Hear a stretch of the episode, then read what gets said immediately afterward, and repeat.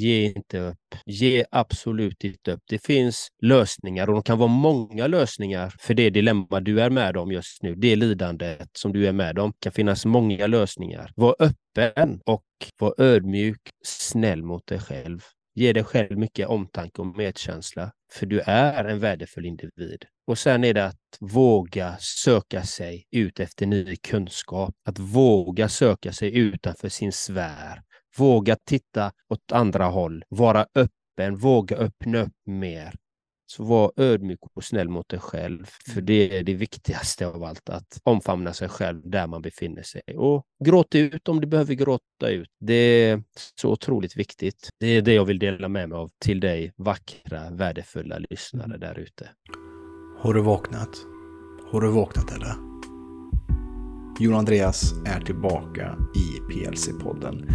Och för dig som inte sett Jon Andreas tidigare så kan jag varmt rekommendera att kolla hans Instagram-sida där han eh, både provocerar och inspirerar människor till att vakna upp till deras inre fulla potential. Och det är en helt annan Jon Andreas som man möter när man gör en långformatspodd än det man ser i de sociala mediekanalerna. Så det är en viktig påminnelse om att allt vi ser där inte alltid stämmer med bilden i verkligheten. I det här samtalet är jag otroligt tacksam och glad över att få prata just om livet och hur vi kan se på det med andra ögon och hur vi kan skapa nya vägar framåt när det känns tufft. Vi snackar om för personer som kanske inte mår bra så kan det här vara ett avsnitt att just lyssna på och få inspiration och lite kanske riktning helt enkelt. Och Jon Andreas jobbar ju som livssyftescoach och Därför blir detta samtalet mer filosofiskt och vi snackar om just hur man kan hitta sin väg och även meningen med sin smärta och lidande. Och för dig som eh, vill höra första avsnittet så finns det i avsnitt 58 i katalogen här som sändes förra året, förra sommaren nästan exakt helt enkelt. Ehm, och det är med varmt hjärta som jag eh, presenterar det här avsnittet eh, och och eh, Jon Andreas återigen här på PLC-podden. Innan vi drar igång med veckans samtal vill jag bara påminna om vårt samarbete med pureness.se. Använd koden PLC-podden med 2D för att få 20% rabatt på hela ditt köp när du checkar ut där i online-kassan. Så plocka på dig diverse kosttillskott, proteinpulver och annat som kan hjälpa dig att just optimera din hälsa med koden PLC-podden med 2D för att också hjälpa oss med podden och finansiera den lite grann.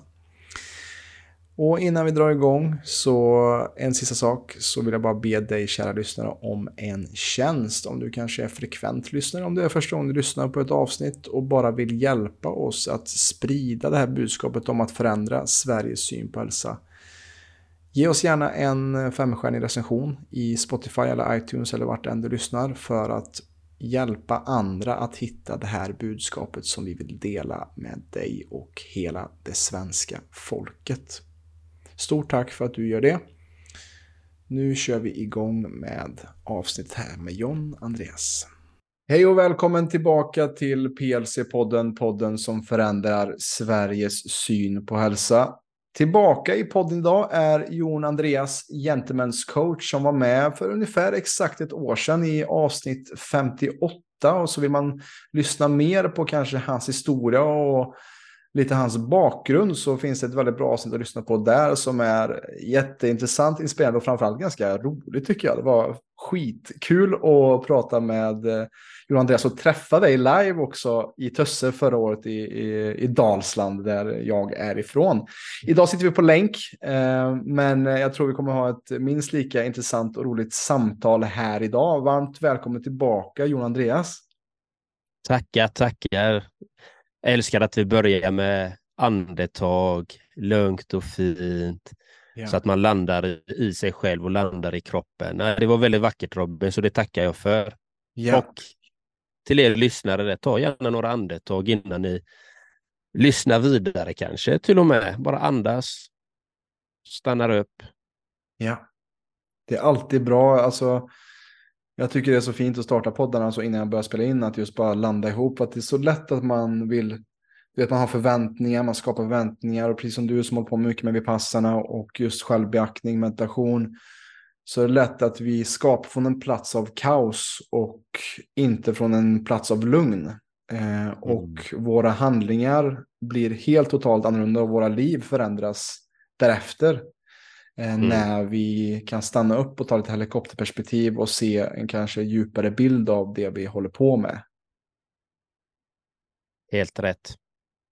Och det är intressant också för att jag antar att du fortfarande håller på med din, eh, vi pass, jag vet sist vi pratade så var det en timme morgon, en timme kväll.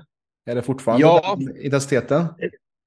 Alltså jag höll ju på med det i över ett och ett halvt år, nästan, mm. nästan ett år, kanske sju månader. Men sen, jag gick en yogautbildning också och i yogautbildningen så slutet där så blev jag jättesjuk. Mm. Jag blev extremt sjuk de tre sista dagarna. Jag fick höga febertoppar och jag var riktigt, eh, riktigt fysiskt eh, i obalans av någon anledning. Men det är ju så när man gör yoga och meditation och saker, när man gör det intensivt, det händer så mycket i kroppen så att det släpper ju ut energier. Mm. Så att jag behövde bearbeta någonting där, så jag blev väldigt, väldigt fysiskt sjuk helt enkelt. Och, och, och sen dess har jag inte riktigt kommit in i meditationen på det sättet som jag hade på den tiden.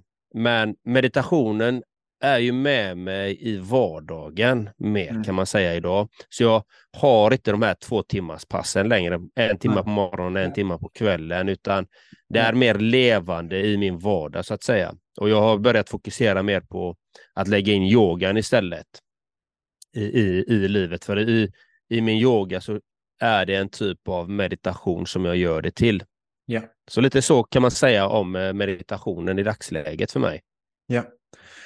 Och, det är det som jag tycker är klokt också, för att våra liv är dynamiska och vi måste också följa livets flöde lite grann med vad som behövs. Alltså, det kan vara lätt att man håller fast vid saker som man alltid har gjort för att det har alltid funkat. Men när kroppen talar till oss så är det också viktigt att vi tar emot oss den feedbacken och jag menar den ett och ett halvt åren av meditation två timmar per dag den sätter sig också i kroppen på något sätt. Den kommer du alltid bära med dig och kunna ha som en referensram och referenspunkt. Och i vissa delar av livet kanske man behöver mer hårdare träning eller mer disciplin åt det hållet. Så att det eh, låter väldigt klokt. Men vad, vad känner du själv? Eh, vad, vad, har faktiskt hänt sedan det här året vi sågs där i din eh, kompis sommarstuga uppe i Tusse? Ja, det har ju hänt mycket, men framför allt är ju att jag bibehållit det som jag gör idag. Att jag fortfarande coachar klienter och faktiskt fått klienter från PLC-podden när jag var med. Jaha, okej. Okay. Som okay. har gett, jag frågade hur de har funnit mig och det var faktiskt genom er fantastiska, unika, magnifika PLC-podd.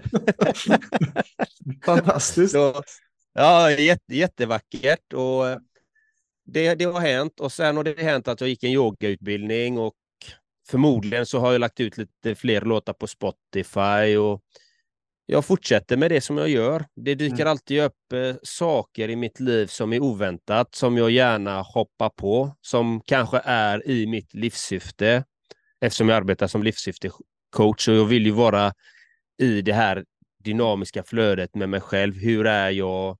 Hur vill jag leva mitt liv? Vad är det som är i min värdegrund? Etc. etc. Så att det har hänt ganska mycket saker, men jag kan inte pinpointa. Den största är ju yogautbildningen givetvis. Mm. Sen sist vi talades vid och att jag själv ska hålla i yogaklasser och yogaretreats och lite sådana saker då kommande. Så det är väl det som har hänt. Sen är allting dynamiskt, precis som du säger. Och jag tycker det är viktigt att man lyssnar på sig själv. Vad är det jag behöver just ja. nu? Och det är någonting som jag eftersträvar. Så att man inte är fast i, i en struktur, i ett låst system, utan det behöver vara organiskt levande. Eh, den tycker jag är viktig för att vi har ju olika förändringsfaktorer i våra liv mm. som påverkar oss, både mentalt, fysiskt, själsligt, ekonomiskt, relationsmässigt. Och det gäller att följa med i de här svängningarna. Det är som årstiderna. Det mm. är, Nu är det höst, nu blåser det och regnar som bara den här hos mig. Eh, och nästa dag kanske det är solsken. Och sen är det vinter, sen är det vår, sen är det sommar. Men i de perioderna så är vädret olika också. Och det är Mm. samma sak i våra liv. Ja, så sant. Och jag tänker också, för att jag vet att du är en, en väldigt stark förespråkare av också disciplin och komma upp tidigt på morgonen till exempel och göra sina grejer. Eh, Mm. Och att det är viktigt med den strukturen, men också att det finns ett, ett, också ett utrymme för flöde och frihet i det och att disciplinen i sig kan också skapa frihet. För att kommer vi upp tidigt på morgonen så kanske vi ger tid för också magin att ske kanske på eftermiddagen för att vi har gjort våra grejer på morgonen som är viktigast. Att vi också har en blandning av de två principerna helt enkelt. Att, att hitta det som inte är för rigid men inte heller för ostrukturerad. Men vad ska jag säga då, det här året som varit då, vad har varit den röda tråden och vad ser du mer liksom att det jobbet du gör konkretiseras ner i just nu? Det, det som eh, det som det konkreter, kon, använda ditt ord, det som konkretiseras ner är ju att eh, det jag sänder ut, det är det jag får tillbaka. Mm. Det är, jag sänder ut kärlek så är det mest kärlek jag får tillbaka. Ja. Det, det, det är lite eh, law of attraction kan man säga om man vill använda det ordet, men jag an, använder hellre mer att det är det du vill ha tillbaka. Och inte vill heller, utan du ska ge osjälviskt så kommer det tillbaka utan en förväntan av att få någonting tillbaka. Ja. Det, det är att ge så får man saker och det är det som har konkretiserats mer sedan förra året. Det är att till exempel när jag har sänt ut saker, till exempel jag hade velat göra en yogautbildning. Jag hade jag skrivit i min mindmap att någon gång vill jag göra en yogautbildning. Jag visste inte att det skulle ske just då. Men helt plötsligt så fick jag ett fantastiskt erbjudande om att göra en yogautbildning. Och jag tog möjligheten att göra det just då. Och det är det med intentionen, hur vi lever våra liv. Vilken intention har vi med våra liv? Vad är vi vi sänder ut? Vad är vår riktning? Och det är ju den som är så viktigt för mig då, att leva med, med intentionen och valen är baserade på min intention. Mm. Och det, och det är det som konkretiseras mer i livet, det är när du vet vad du vill. Hur du vill leva, hur du vill känna, vilka typer av människor du har runt omkring dig, vilken miljö du vill befinna dig i, hur ditt ekonomiska tillstånd ska se ut. När du faktiskt vet hur du vill att det ska vara. Det blir mycket enklare då att arbeta med intentionen och sedan givetvis sätta gränser för saker som inte ryms i den ramen, till exempel eh, saker som kanske är ogynnsamma för en. Att Mm. verkligen identifiera de sakerna. Ja. Och där tänker jag också, ett ord som jag extraherar från det du sa här är service. Alltså att vara av service. Och det kan vara så lätt att man gör någonting för att få någonting tillbaka istället för att som du säger här, att ge, ge någonting bara för sakens skull att ge. Och inte förvänta Mm. sig vad som kommer tillbaka. Vad, vad, för kärlek är också, och hat för en del också, det är som en bumerang. Alltså kärleken kommer komma tillbaka om du skickar ut den. Det kanske inte kommer komma tillbaka från samma person eller samma plats som du riktar den åt. Men det kan poppa upp på så många andra olika sätt. Och jag tror oftast den gemene människan idag är så programmerad i att ja, men, jag gör det här för att få någonting istället för att hur kan jag ge till någon i livet utan att ens förvänta mig någonting tillbaka. Mm. Um, så hur har den resan varit för dig att gå från kanske att mer från en bristmentalitet till mer ett mentalitet av överflöd och att ja, men jag har nog, min kopp rinner över och jag vill bara ge tillbaka till folk. Vad, hur har det skiftet varit för dig? Hur det skiftet, hur det har varit eller hur det kom till eller hur tänker du? Ja, precis. Hur, hur det har varit för dig där i... i har, har det alltid varit så? Just det här tänket kring... Absolut inte. Absolut inte. Jag har ju varit, eh, haft en vinnarmentalitet. Jag har haft en eh, mentalitet av eh, girighet och materiellt eh, tillstånd, att man vill ha mycket materiella saker. Eh, av, och jag har även haft ett kameleontbeteende där jag har eh, sökt olika saker och för, förändrat mitt beteendemönster och min mimik, mitt, mitt kommunikationssätt beroende på vem jag talar med eller vart jag är någonstans, vart jag befinner mig någonstans för att jag har velat ha ut maximal vinning mm. på ett eller annat sätt. Och det här, som du nämnde, programmeringen, det här var ett sätt som jag programmerades till. Eh, av mig själv och av eh, saker runt omkring mig som programmerade mig till det sättet. Så att, så att man skapade olika skepnader, olika masker i olika situationer. Men de här maskerna gör ju så att man kommer längre och längre och längre ifrån vem man verkligen är. Mm. Och det var när jag fått ett uppvaknande. Jag har fått tre olika uppvaknanden i mitt liv.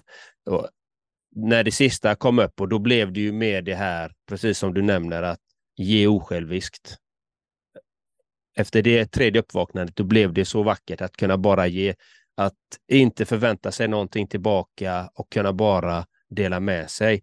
Och det är så vackert för att när man gör det så öppnar du upp för så mycket saker att komma till dig. Och de, mm. precis som du nämner där innan Robin, att de kommer från olika håll. Du har ingen aning. Det har hänt så otroligt mycket. Jo, jag kanske till och med var med i Agneta Sjödins podd eh, efter vi har samtalats vid också. Så mm. att det var också ett sådant, eh, en sådan grej liksom att, som kom till mig för att jag sänder ut kärlek, omtanke. Och det, och det är det som är att när man sänder ut saker, då är det det som kommer. Ja. Oavsett i vilken form, men du får mer av det. Men det tar tid. Det kommer inte alltid in så här direkt, utan det kan ha en fördröjning. Och det krävs ju precis som du nämner också att en självdisciplin, att kanske sätta in vissa rutiner i sitt liv för att börja den här omprogrammeringen så att du ska kunna få ett renare medveten, medvetenhet, ett subtilare medvetenhet, mer öppet medvetenhet. Mm. Ja, lite om vi kommer tillbaka till också det vi gjorde här i början innan avsnittet, att bara stanna upp i tystnad. Det är också det för min del att skala av löken och att se vem är jag bakom mina föreställningar om vem jag är eller vem jag tror att jag behöver vara. Eh, och bakom programmeringarna, alltså meditationen och tystnaden ger mig liksom ett, ett sätt att bara, hur kan jag möta det här ögonblicket, den här konversationen, den här podcasten från det medvetandet istället för att nu ska vi få ut det här av den här konversationen. Jag vet inte riktigt exakt vad vi kommer prata om i detta, men jag har tillit till att det autentiska mötet som jag försöker att skapa i varje podd ger exakt vad lyssnarna behöver höra. Eh, och det är lite det som du är inne på, vad jag hör här också är autenticitet. Att så ofta som du säger så blir vi kameleonter i livet. Vi, vi anpassar oss och anpassar oss och anpassar oss för att vi tror att det är det som kommer ge oss kärlek. Men ju mer vi anpassar oss så blir vi också mer inautentiska mot oss själva, vilket gör också att det är en sann våld mot sig själv, för att det är ju mitt, mitt emot vad självkärlek är. Att jag är hellre älskad för någon jag inte är än att vara älskad för den jag faktiskt är. Och på något sätt tror jag också att det är en stor last att bära när vi inte är oss själva 100% helt autentiska det kostar oss så mycket energi och jag tror det är det som är också kan vara en grund till att varför många mår så dåligt mentalt och fysiskt idag. För att man går runt och bär på en mask och bär på en persona, en mask som man verkligen mm. inte är. Um, som jag vet vi snackade om lite förra avsnittet också om just dina egna uh, att du liksom brände ut dig uh, som elektriker för att du kanske också heller inte var helt sann i dig själv, i ditt centrum. Vad tänker du när jag säger så? Oh, jättefin fråga. Och det här är med, jag brinner ju för autenticitet, autentiskt inre ledarskap. Mm. Det är ju så, så, så viktigt att leva efter det. Varför är det det? För mig och för de människorna jag faktiskt har coachat i det, det är ju att du får en sån otrolig trygghet inom dig. Du känner dig så trygg, att du vet att när du är i det tillståndet och när du lever efter det, då spelar det egentligen inte så stor roll vad andra människor tycker och tänker. Och du kan agera efter vem du verkligen är. Och när du gör det, då kommer det ut kärlek. Det kommer Mm. ut omtanke. Det kommer ut medkänsla. Det kommer ut nyfikenhet. Det kommer ut spontanitet. Det kommer ut glädje. För varför gör det det? För att det är den du verkligen är och du kommer liksom leva mer efter det och i enlighet med det. Och samtidigt som du gör det, då skapas samtidigt en reningsprocess inom oss när vi lever ifrån vårt autentiska jag. Den här programmeringen börjar luckras upp. Dina defilements, dina föroreningar kan man säga, mentala och fysiska och energimässiga föreläsningar. Eh, eh, eh, Föreställningar. ja, vad säger man? Ja, sanningar, de, de, de, de rensas ut i kroppen, Mm. de här föroreningarna. På både energiplan, mentalt, känslomässigt, när du lever från ditt autentiska jag. Så det blir en process som renar dig inifrån och ut och du får mer vitalitet, mer energi utav det. Mm. För det är som du, precis som du nämner, när man har de här maskerna, det är krävande. Det är energikrävande. Det krävs mycket av varje människa till slut att leva i de här, den här falska bilden av sig själv i de här olika givna situationerna. Så det är mycket enklare att leva ifrån sitt autentiska jag, från den man verkligen är. Det blir mycket enklare, för då är du alltid sann mot dig själv och du är sann mot dem du möter. Det Ja. blir så mycket enklare. Men det är vårt intellekt som sätter käppar i hjulet för oss. Vårt ego, hur, våra föreställningar om hur saker ska vara eller bör vara. Ja, för det är också väldigt sårbart och läskigt att vara sig själv helt och fullt. För tänk om jag inte blir omtyckt för den jag är. Eller tänk om jag inte... Det kan vara ett svårt steg att ta där. För vem är jag om jag verkligen är helt mig själv? Men för att bygga på det som du snackade om här, eh, som jag tycker är intressant, att jag tror att både du och jag kan skriva under på att vi har levt flera livstider, eller eh, alltså levt olika liv under våra, vår livstid här och nu. Alltså att vi har varit helt olika personer och att vi ständigt förändras och ständigt lever och dör. Att det en ny variant av Jon Andreas som jag ser idag här jämfört med för ett år sedan. Precis som att jag är en helt annan människa för att jag har träffat andra människor som har färgat av sig på mig och jag har fått nya influenser och, och nya tankar. Och i mångt och mycket så ser jag också många som kanske är deprimerade och som också är suicida. Att det är kanske inte alltid att man vill göra slut på sitt liv, men man vill göra slut på den karaktären eller den masken som man går runt och bär på, för man inte är helt sann i sig själv. Man lever inte utefter sin dharma eller sin väg som man kanske är tilldelad. Och det är så tungt att man kanske vill också avsluta sitt fysiska liv. Och om vi kan lyfta oss upp och se vad, vad är det faktiskt jag vill göra? Vad är det som stoppar mig från att leva mitt sanna jag? Vad är det som stoppar mig från att leva fullt ut?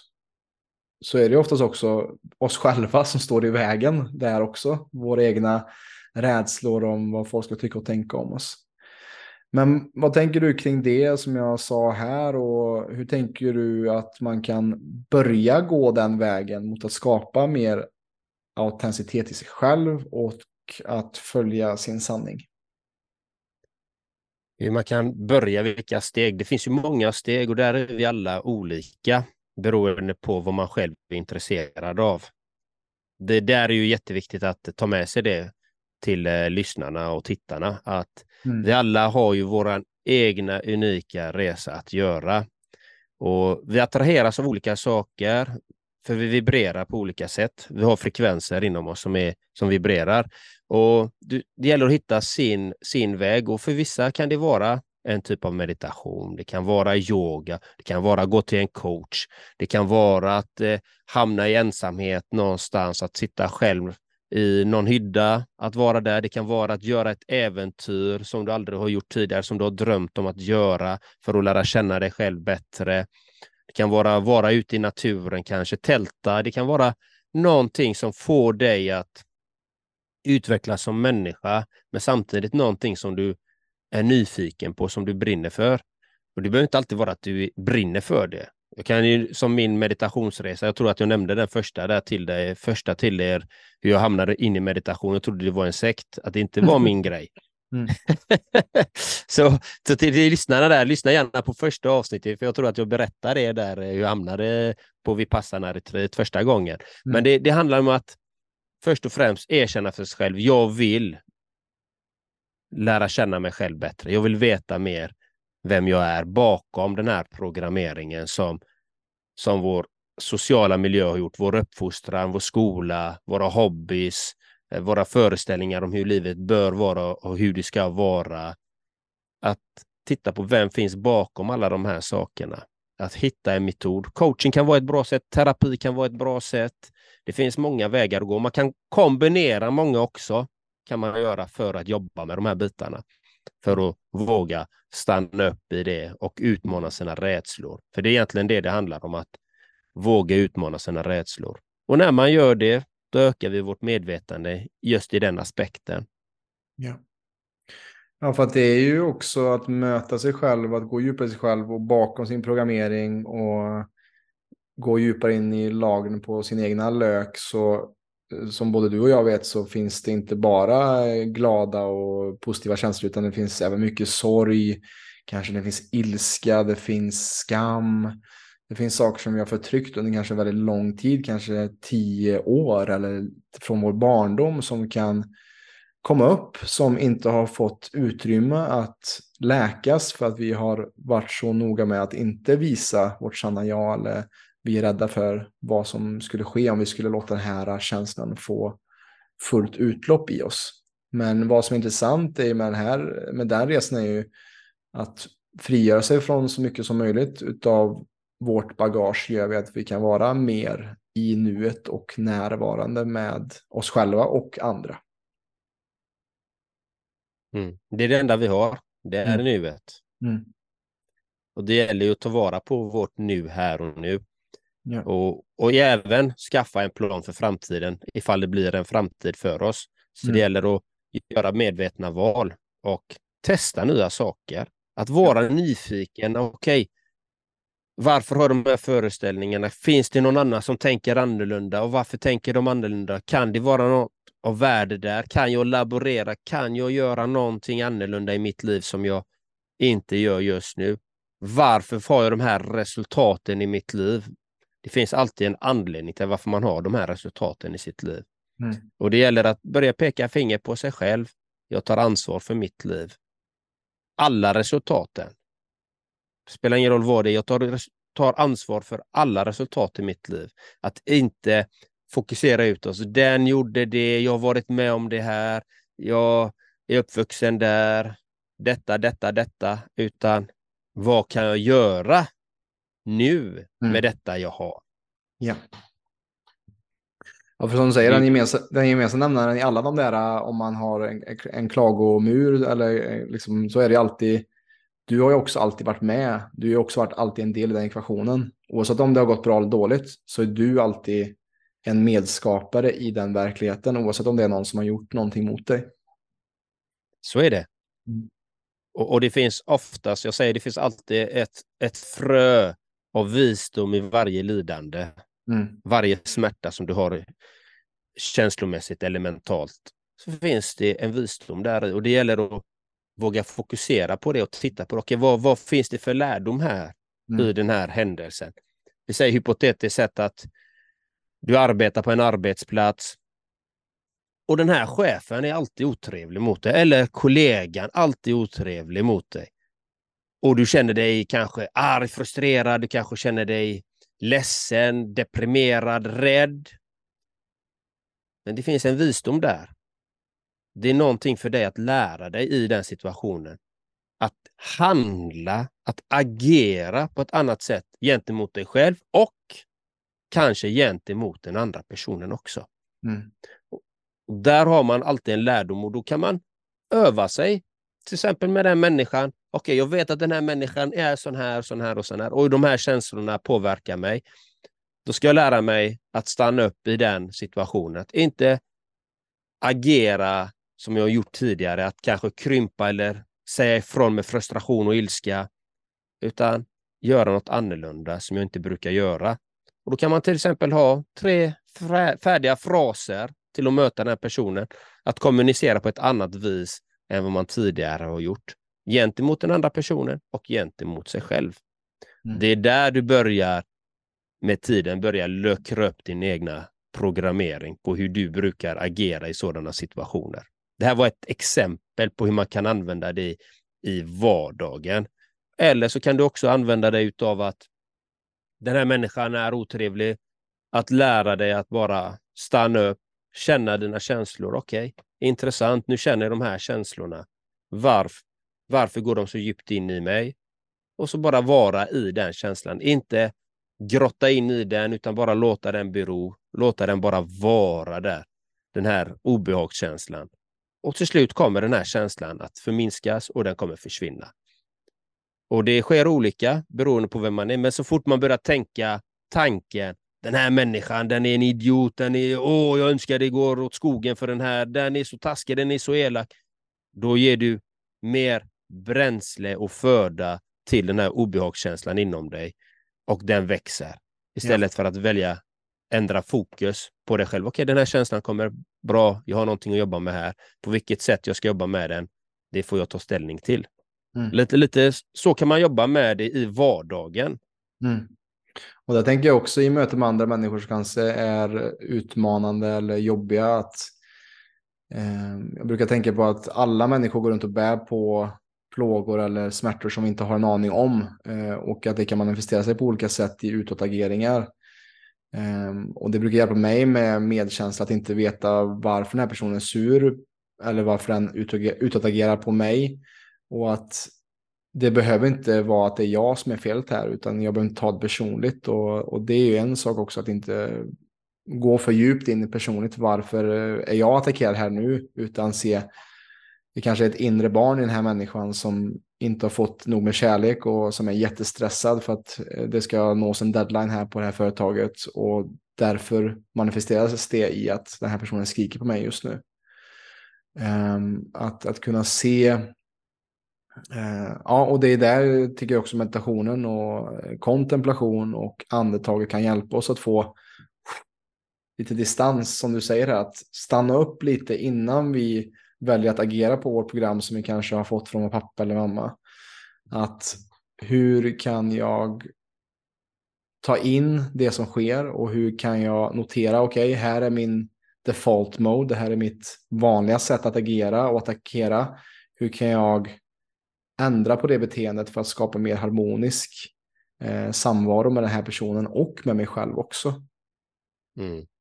Det är eh, otroligt viktigt Eh, och någonting som jag och säkert du också får jobba med dagligen eh, i de mötena som man har. Eh, och, där är jag också nyfiken, Johan Andreas. Vi båda jobbar ju som coacher och det är lätt och jag fick en insikt här i, i somras att en stor anledning till varför jag har blivit coach själv är för att det har funnits ett sår i mig att jag vill liksom ha koll och kontroll på mig själv optimera mig själv så att jag liksom aldrig mer skulle kunna ha problem. Så då hjälper jag andra med deras liv och, och har svaren på alla frågor som jag själv har behövt. Eh, och att det är det som varit mycket det som drivit mig till att bli coach och, och det var intressant att se det. Eh, men vi coacher är ju bara vanliga människor vi, vi har våra egna problem och utmaningar. Så därför är jag nyfiken på du som löser så många andra problem för andra och coachar andra. Vad är levande i dig just nu som du brottas med i ditt liv? Det är ju alla tekniska lösningar. så, så att jag kan sprida ut mer kärlek och omtanke. Ja. Det, för jag, jag är ju den personen som, som vill sprida mer och mer kärlek på så många olika sätt och vis, med så många olika frekvenser, känslotillstånd som möjligt. Mm. Och där är ju tekniken, eftersom jag är ensam i det här, det är inte så att jag har en hel stab bakom mig som gör mina filmer, som gör, som gör mina poddar, som gör mina medverkan, som klipper, redigerar, lägger in text, eh, etc. Fakturering, bokföring. Mm. Jag gör ju allting själv. Ja. Så mitt, mitt, mitt problem om man säger hur kan jag expandera ännu mer, att verka på fler områden samtidigt. Som, som du nämnde, vad har det hänt sen sist? Ja, jag har ju skapat egen merch, egna kläder. Det är också en, en del för att sprida mitt budskap, liksom ännu mer för att sprida den här energin. Så jag har skapat ett eget klädmärke och jag jobbar med det. Eh, det, det händer saker hela tiden som jag, behö, som jag vill expandera i. Så att det är det som jag brottas med. Lära mig alla de här nya färdigheterna, kunskaperna och bibehålla det här organiska tillväxten eller organiska expanderingen ska jag säga. Mm. Det är egentligen det jag brottas med för att något annat är det inte direkt så som jag brottas med som jag kan eh, komma på på det här sättet just nu. Utan det är mest hur jag ska kunna nå ut till fler människor och sprida det här som jag vill sprida. Just det. Och, mm. Men jag tycker det är intressant det du nämnde om empati, medkänsla eh, för sin nästa, för den som kanske är otrevlig och den som inte mår så där jättebra, som kommer med de här påståendena och hoppar på. Liksom. Och det, det är alltid en smärta bakom, det är ett lidande bakom en sådan handling från en människa. Mm. Det är alltid ett lidande. Och som jag brukar säga, är du lycklig så vill du att andra människor ska vara lyckliga. Så en människa som agerar på det sättet, den bär ju på ett trauma utan att kanske alltid vara medveten om det. Och du blir den utlösande katalysatorn i det läget. Men ju mer integrerad man blir i sin egna sanning om vem man verkligen är, då sker det nästan instinktivt att när någon beter sig så, att du går in med medkänsla. Du tänker inte på det, utan den kommer automatiskt för att du är redan där. Du ser bakom de här lagren. Du ser den här sårade människan, det här beteendet den har. Du ser det. Du, mm. du känner det. Så det sker automatiskt när man är i det, i sitt autentiska jag. Mm. I sin själ eller sin livsande, sin prana, man kan kalla det atman, brahman, spirituella jag. Det finns självkänsla, det finns många namn för det här, men jag föredrar att säga autentiska jag. Mm. Och Så hur, det tycker jag är intressant. Ja, det är jätteintressant. Och hur, hur, um, hur kultiverar du empati till andra och dig själv? Andreas? Kultivera det, det är ju att leva så mycket som möjligt i min egen sanning. Är jag trött fysiskt, då behöver jag vila. Mm. Är jag trött mentalt, ja, då behöver jag hitta en, en metod för det. Ja, då är meditation kanon för det. Då sätter jag mig i tystnad och mediterar. Eh, eller så går jag och gör någonting aktivt för att det kanske bara är mentalt jag är trött. Då går jag kanske och tränar på gymmet, kanske går på en eh, boxningspass, jag kan köra ett yogapass, jag kan eh, gå och lägga mig till och med ibland. Det gäller att hitta, lära känna sig själv, hur den här biologiska kroppen samverkar med oss. Att mm. förstå, okej, okay, jag behöver först vara sann mot mig själv och ge mig själv omtanke nummer ett. För annars blir det ju svårt att kunna dela med sig av det och kunna se det hos andra, att kultivera det. Och det är ju mer man lever i det, desto tydligare blir det med tiden. Mm. Men det är en process, det, det tar ju tid. Men det ser jag oftast en av de stora anledningarna till att eh, många kommer till oss på PLC är, eh, eller varför man har en ohälsa eller obalans, är just att man inte har mött sig själv på ett, eh, man har, man har gått före sig själv och, och ta hand om alla andras behov innan sin egna. Och Eh, varit för mycket av en ja-sägare och inte haft gränser nog för sin egen energi. Till exempel är jag trött så behöver jag sova men jag kanske så fort någon har sagt bett om hjälp eller vill ha min stöttning så har den personen alltid funnits där för att den har känt sig obligerad till det eh, och inte kanske lärt sig att kunna säga nej och kunna ha tydlig gränssättning och eh, på det sättet då medkänsla och empati till sig själv och vad man behöver verkligen. Jättebra att du lyfter den eh, frågan just med att säga nej. Mm. Och det är ett av de starkaste verktygen jag använder är ju livssyfteprocessen då som jag använder mig av som tar fram ditt autentiska jag i ord. Och det är just med den du kan lära känna dig på ett väldigt, väldigt bra sätt när du använder den praktiskt i vardagen. För då mm. ser du direkt, okej, okay, jag mig det jag behöver? Eller vad är det som påverkar mig? Som får mig att bli nedstämd, får mig att bli tung, får mig att inte må bra. Vad är det som påverkar mig? I externt eller internt. Då börjar man titta på det verktyget och då har man något konkret att gå efter. Till att börja den här inre processen, den här avprogrammeringen så att säga, för att komma närmare vem man verkligen är. Mm. Så det är ett jättebra verktyg att använda sig utav eh, som får väldigt fantastiska resultat. Jag använder mig själv av den varje dag.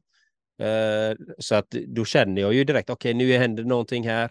Bam, vad är det som är påverkat? Bam, bam, bam, bam. Tittar man på det och så gör man en åtgärd. För allting handlar ju om närvaro, precis som du nämnde tidigare i podden här. Närvaron är så otroligt viktigt att vara här och nu. Utan att vara här och nu så blir det jättesvårt. Mm. Så det är den biten man kan kultivera hos sig själv hela tiden.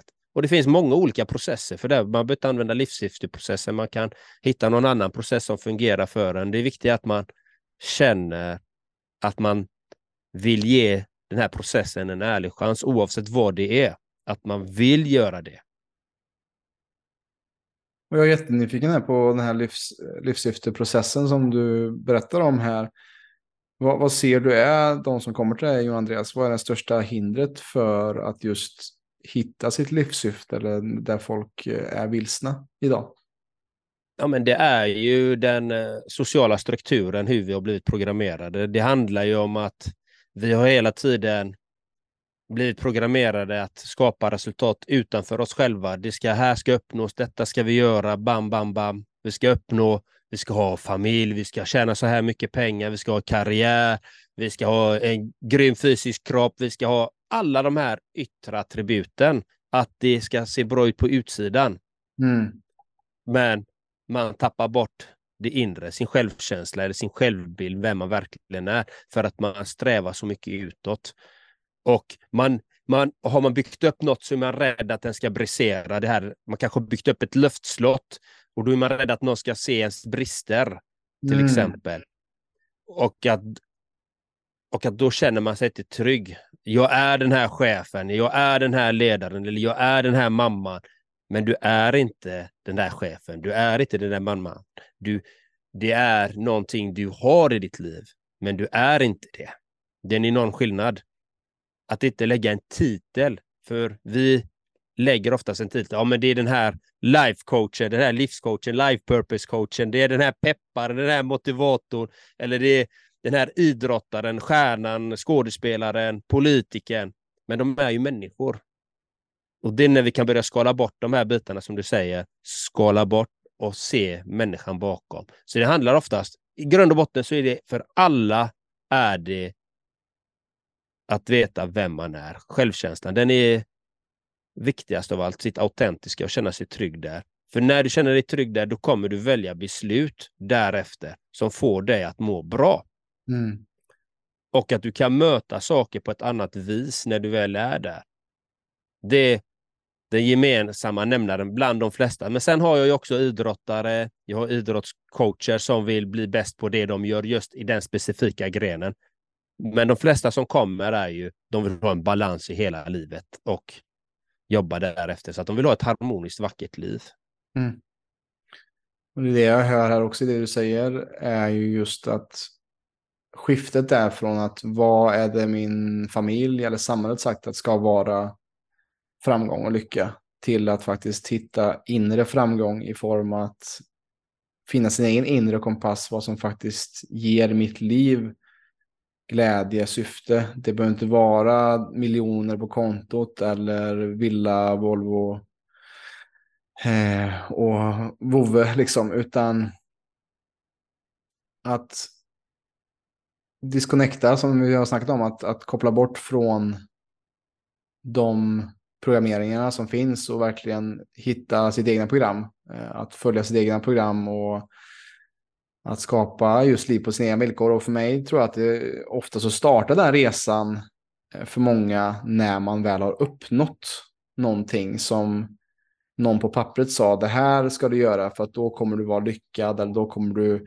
när du har nått hit, då kan du slappna av. Eller då, då, är, du, då är du hemma, då är du framme. Och där har jag själv varit, eh, när man har klättrat upp för den där bergstoppen och bara, jaha, var det här allt? Vad nu? Nu har jag hela livet framför mig och jag har uppnått det som folk sa att skulle göra mig lycklig.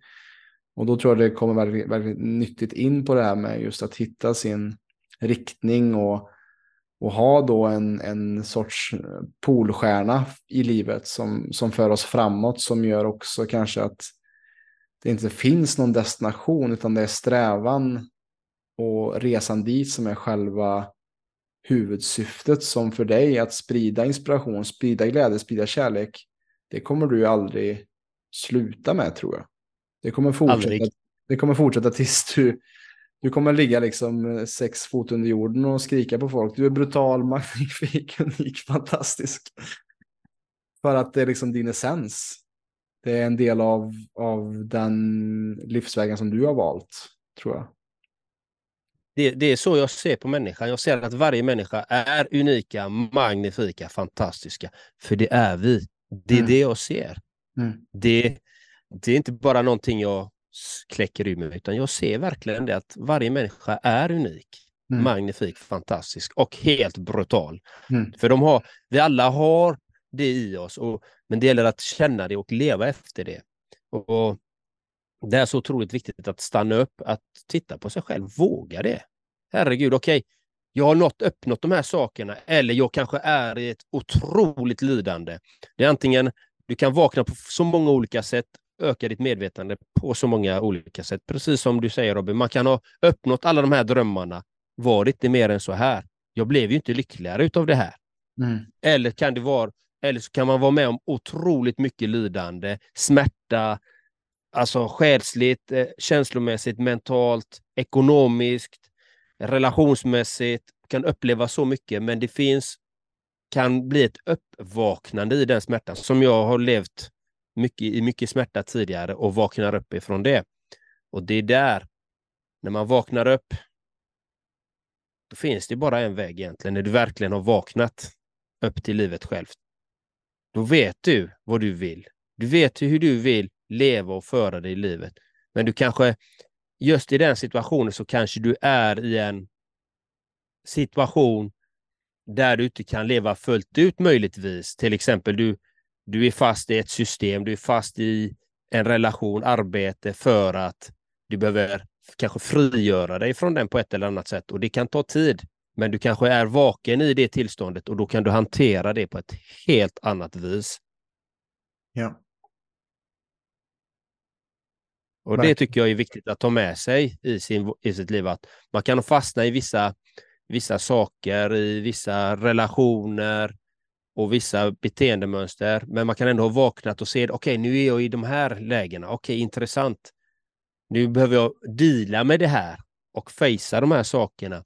Och sen till slut kanske de löser sig. Och när de löser sig så blir du ännu friare i, i dig själv, i, i systemet, i den här sociala strukturen vi byggt upp. Men det kan ju ta tid. Mm. Ja, alltså saker som är värda att vänta på. Det tar tid. Ja, jag, jag fick en sån jättefin insikt här om, här om veckan. Jag satt hemma hos en kompis och jag skulle spela lite gång för honom. Eh, vi hade haft en väldigt fin dag ihop med lite meditation och så skulle jag spela gång och så väntade jag på honom och så han höll på i köket. Det var faktiskt Viktor, eh, min kollega som också är med på PDC. Han stod i köket och så här, rota bland grejer och jag, och jag ville säga, jag ville, fan nu ska vi börja spela och jag satt typ och mediterade och så bara, men jag vill ju börja slå det här första slaget nu på gången och så bara, vad, vad håller han på med? Och sen så efter några minuter bara, ah, han håller på att laga till någon så här god efterrätt just nu. Som han kommer komma och ge till mig innan vi ska börja spela här. Och det var en sån fin så här, liten påminnelse i livet att så här, även fast det bara var fem minuters väntetid så det fanns en så här, stress och otålighet över, men kom hit nu för jag har en förväntning om att vi ska starta nu Viktor. Och så står du och segar och degar i köket. Men ju längre tid det tog, desto mer bara åh, vad är det för intressant han kokar ihop här nu som han kommer komma och bjuda på. Och på samma sätt är det livet också att många vill uppnå, eller att sina drömmars mål skulle varit uppnått igår. När det sker liksom en sorts, du vet, när man, när man beställer någonting över nätet så kommer det dröja lite för att det tar lite frakt och särskilt då ju större dröm du har, desto mer tålamod måste du också ha för att det ska manifesteras. För att får du det på två dagar så kommer det falla ihop. Mm. Eh, man kanske behöver tio år för att bygga den här drömmen som man kanske får en glimt av i meditationen som man kan hämta hem. Men att saker som är bra och eh, drömmar som är stora, det tar tid.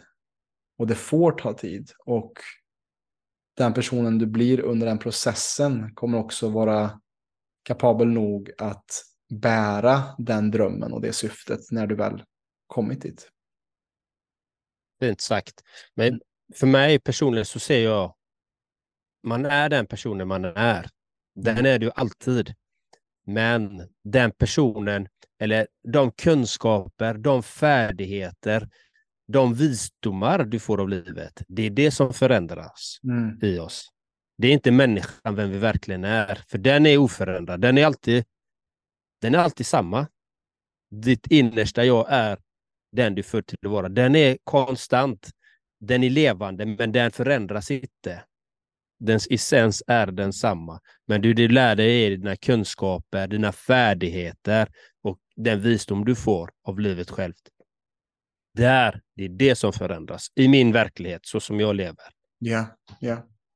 Och, och det tar tid. Det tar tid att bygga någonting, att bygga sitt drömliv. Vi hade också en, ett fint möte med en eh, klient som han bara, jag vill, ha, jag vill leva ett liv där jag aldrig behöver ta semester ifrån. Mm.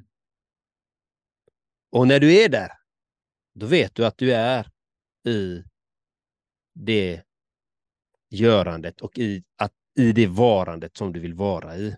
När mm. du inte behöver ta semester ifrån livet självt. Utan du behöver inte ta semester, utan du lever så som du vill leva. Mm. Och det är en fin strävan, tycker jag. Ja. Att titta på, okej, okay, ja, jag, vill, jag längtar till fredag, jag längtar till semestern här nu. Jag, så att jag slipper det här det är bra att längta, men att ha en, en önskan och en längtan att ha någonting att se fram emot. Men glöm inte att leva nu, för det är nu mm. som är livet. Ja. Det är det här du ska...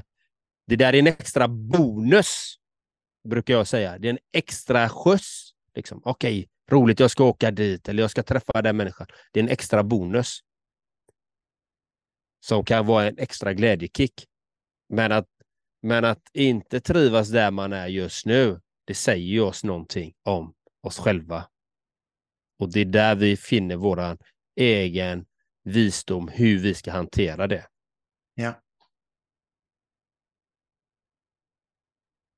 Och där eh, är min nästa fråga, Andreas, för någon som kanske lyssnar, som kanske inte alls känner att de är i linje med sitt drömliv. De kanske eh, längtar efter semestern, de kanske inte är så närvarande kanske inte mår så bra, kanske är där du var för, säg tio år sedan när du var mitt i, eh, mellan dina utbrändheter. Vad skulle du vilja säga till en sån person som lyssnar just nu? Vad jag skulle vilja säga, ge inte upp. Ge absolut inte upp. Det finns lösningar och de kan vara många lösningar för det dilemma du är med om just nu, det lidandet som du är med om. Det kan finnas många lösningar. Var öppen och var ödmjuk och snäll mot dig själv.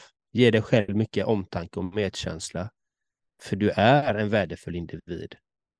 Och sen är det att våga söka sig ut efter ny kunskap.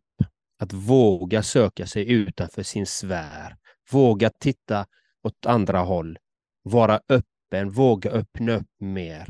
Våga kanske ta kontakt med någon våga söka upp någon information på internet, för internet är ju fantastiskt. Det finns så otroligt mycket kunskap där. Kanske gå till biblioteket, finn en bok och läs en bok just om ditt dilemma, hur du ska ta dig ur det. Kanske gå till PLC-podden och gå på coachning eller kom till mig eller till någon annan coach eller någon KBT-terapeut. yogaklasser, oavsett vad det är. Så var ödmjuk och snäll mot dig själv. För Mm. det är det viktigaste av allt, att omfamna sig själv där man befinner sig. Och gråt ut om du behöver gråta ut. Det är så otroligt viktigt. Mm. Det är det jag vill dela med mig av till dig vackra, värdefulla lyssnare Mm. där ute. Så fint. Jag tror vi båda kan skriva under på att eh, de sakerna som har det jobbigaste i våra liv, Jon Andreas, är också de som har också format oss mest och gett oss eh, en större visdom och kunskap om oss själva och att eh, without mud there's no lotus, som man brukar säga. Utan lera ingen lotusblomma. Att eh, om du lyssnar, befinner dig i en utmanande period, någonting som känns jobbigt, så vet med dig att det kommer komma solsken. Vet med dig att det kommer komma finnas dagar där du kommer kanske se tillbaka på den här utmaningen som du står inför just nu. Som kommer ge dig en grund att stå på. Och en, kanske en tacksamhet också för att just du har varit med om det som känns tufft i nuläget. Så är det. Och eh, det kan kännas olidligt, det kan kännas... Man tappar allt hopp, man känner sig självmordsbenägen, man vill dö, man vill inte leva längre.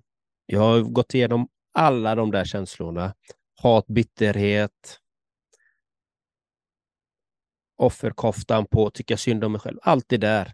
Man, kanske, man behöver känna igenom de här känslorna. Men det går att komma ut i ett tillstånd där du får med dig visdom, kärlek, omtanke, vitalitet, energi, glädje, spontanitet, nyfikenhet. Det går, men det tar tid. Det, det är oftast ingenting man kan forcera fram, utan det tar tid och det kräver tid många gånger. Mm. Verkligen.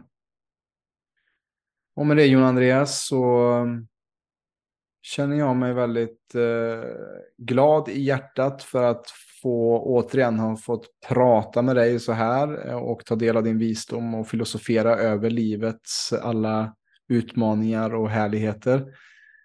Eh, jag tänker vi rundar av för den här gången, men för de som vill komma i kontakt med dig, kanske bli peppad, bli coachad, eh, vart hittar man dig på nätet?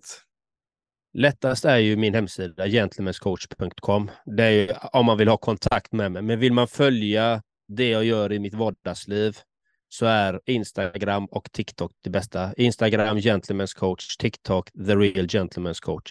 Sen har jag Youtube-konto också, Gentlemen's coach. Så det är där jag befinner mig, om man Ja. säger så. Man så glömma, Gentlemanscoach.com. om man inte glömma Och musiken, Spotify. och podden. Och podcasten Lev ditt drömliv. Jag gör, så, jag gör så många saker så det, det är svårt att hålla reda på alla. Ja, förstår. det. Jag är så mångfacetterad, jag har så många tentakler ute och det var de du nämnde som jag nämnde att jag vill eh, få ännu mer liksom. Hur Ja. kan jag nå ännu mer människor? Hur kan jag sprida mer kärlek och mer omtanke och mer eh, så de här viktiga fröna, för det är det jag vill. Jag vill så de här fröna. Och sen vem som vattnar de här fröna, det spelar inte mig så stor roll, men jag vill så de här fröna. Mm. Det är vad jag vill. Ja, och jag är glad att vara en liten del i det, i att hjälpa dig att sprida det via våra kanaler här på PLC också. Eh, för att vi behöver fler människor som dig, Jon Andreas, som sprider mera hopp och kärlek eh, i livet och som får oss att bli stärkta. Och har du blivit stärkt av det här avsnittet så för all del, dela gärna med dig av det här avsnittet så att vi med stadig, rask takt kan förändra Sveriges syn på hälsa. Stort tack för idag, Andreas. Namaste. Stort tack för att du har lyssnat på detta avsnittet av PLC-podden. Om du som lyssnare är intresserad av att få bättre balans på din kropp och hälsa så kan du gå in på www.plclub.se. Där kan du göra en gratis hälsoundersökning och läsa mer om hur vi hjälper människor på ett holistiskt sätt att skapa mer energi, få igång förbränningen och minska värk. Alltså www.plclub.se. Vi finns även på Instagram, YouTube, Spotify och Facebook at Premium Lifestyle Club om du vill ta del av mer gratis material. Stort tack för din tid här med oss.